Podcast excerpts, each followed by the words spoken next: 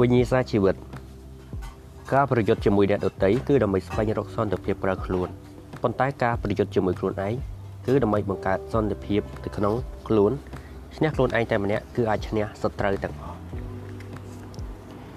ឧបសគ្គឬបញ្ហានៅក្នុងជីវិត គឺជាវិញ្ញាសាដែលយើងត្រូវដោះស្រាយដោយខ្លួនឯងពុំមាននរណាម្នាក់អាចជួយដោះស្រាយយើងបានទេពីព្រោះជីវិតគេក៏មានបញ្ហាលំបាកជាច្រើន ដែលទាមទារត្រូវឲ្យគេខំប្រឹងប្រែងដើម្បីដោះស្រាយដែរជីវិតរបស់យើងម្នាក់ម្នាក់គឺជាវិញ្ញាសាឯកជនហើយការដោះស្រាយបញ្ហានៅក្នុងជីវិត វាមិនមែនជាការខំប្រឹងដើម្បីទៅប្រឡងប្រជែងជាមួយអ្នកដទៃទេប៉ុន្តែវាគឺជាការប្រយុទ្ធជាមួយខ្លួនឯងតែម្នាក់គត់ខ្លួនយើងនេះឯងគឺជាសត្រូវដ៏កាចសាហាវបំផុតប៉ុន្តែយើងក៏ជាមិត្តចិត្តមួយថ្លើមមួយជាមួយខ្លួនឯងផងដែរ ការប្រកួតជាមួយខ្លួនឯងគឺវាពិបាកជាងការប្រកួតជាមួយអ្នកដទៃរាប់រយដងពីព្រោះយើងងាយយកឈ្នះលើការប្រកួតជាមួយអ្នកដទៃប៉ុន្តែយើងមិនងាយនឹងអាចយកឈ្នះខ្លួនឯងឡើយដើម្បីអាចដោះស្រាយវិញ្ញាសាជីវិតបាន យើងត្រូវមានបំណងចង់បានលទ្ធផលល្អពីជីវិតនិងមានគោលដៅមួយច្បាស់លាស់សម្រាប់ជីវិតខ្លួនឯងជាមុនសិនព្រោះបើមិនដូច្នោះទេ យើងនឹងចំណាយពេលប្រកួត ដែលអត់ប្រយោជន៍ពីព្រោះយើងមិនដឹងថា ការខិតខំរបស់យើងគឺដើម្បីអ្វីបន្ទាប់មកយើងត្រូវប្រឹងប្រែងរៀនសូត្រពីជីវិតខ្លួនឯងរៀនឲ្យបានច្រើនតាមដែលអាចធ្វើទៅបានហើយរៀនឲ្យត្រូវនឹងអ្វីដែលយើងបានកំណត់ទុកដើម្បីរៀនសូត្រពីខ្លួនឯងបានគឺយើងត្រូវប្រើចិត្តគំនិតទទួលយកការពិតពីជីវិត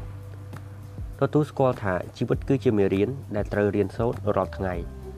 ពិភពលោកទាំងមូលគឺជាថ្នាក់រៀនមួយ ដែលសម្រាប់យើងរៀនសូត្រពេញមួយជីវិតហើយគ្រប់អ្វីៗទាំងអស់ដែលយើងបានជួបប្រទះនិងឆ្លងកាត់សុទ្ធតែជាគ្រូនិងជាមេរៀនដែលសំខាន់សម្រាប់ការរស់នៅរបស់យើងរៀនទទួលស្គាល់ថាជីវិតរស់នៅ គឺទាមទារឲ្យយើងត្រូវខំប្រឹងហាត់ពុតលុតដំខ្លាំងណាស់ដូចជាមុនពេលទៅប្រកួត គឺយើងទៀមទីឲ្យមានការហាត់សមជាមុនបើមិនអីចឹងទេ យើងនឹងចាញ់ក្នុងការប្រកួតមិនខានឡើយការប្រកួតនៅក្នុងជីវិតលំបាកណាស់ប៉ុន្តែយើងអាចធ្វើបានហើយលទ្ធផលដែលជីវិតទទួលបានមិនមែនបានមកដោយចៃដន្យទេតើតែយើងបានខិតខំប្រឹងប្រែងតស៊ូទើបយើងស្គាល់ពីអត្ថន័យពិតប្រាកដនៃពាក្យថាឈ្នះនៅក្នុងជីវិតខ្លួនឯងគំនិតឬការគិតរបស់យើងពិតជាសំខាន់ខ្លាំងណាស់ពាក្យសម្ដីដែលយើងបរិយាយរៀបរាប់ពីគំនិតរបស់យើងចេញមក វារឹតតែសំខាន់ប៉ុន្តែចុងក្រោយអ្វីដែលសំខាន់ជាងនេះ នោះគឺទង្វើឬសកម្មភាពដែលយើងធ្វើឲ្យគំនិតនិងពាក្យសម្ដីនោះប្រែក្លាយចេញជាសមិទ្ធផលអស្ចារ្យមួយ ហើយបើយើងគ្រាន់តែគិតគ្រាន់តែនិយាយគ្រាន់តែធ្វើបាបបន្តិចសោះក៏បោះបង់ចោលហើយចុងក្រោយដោយវាគ្មានលទ្ធផលល្អកើតឡើង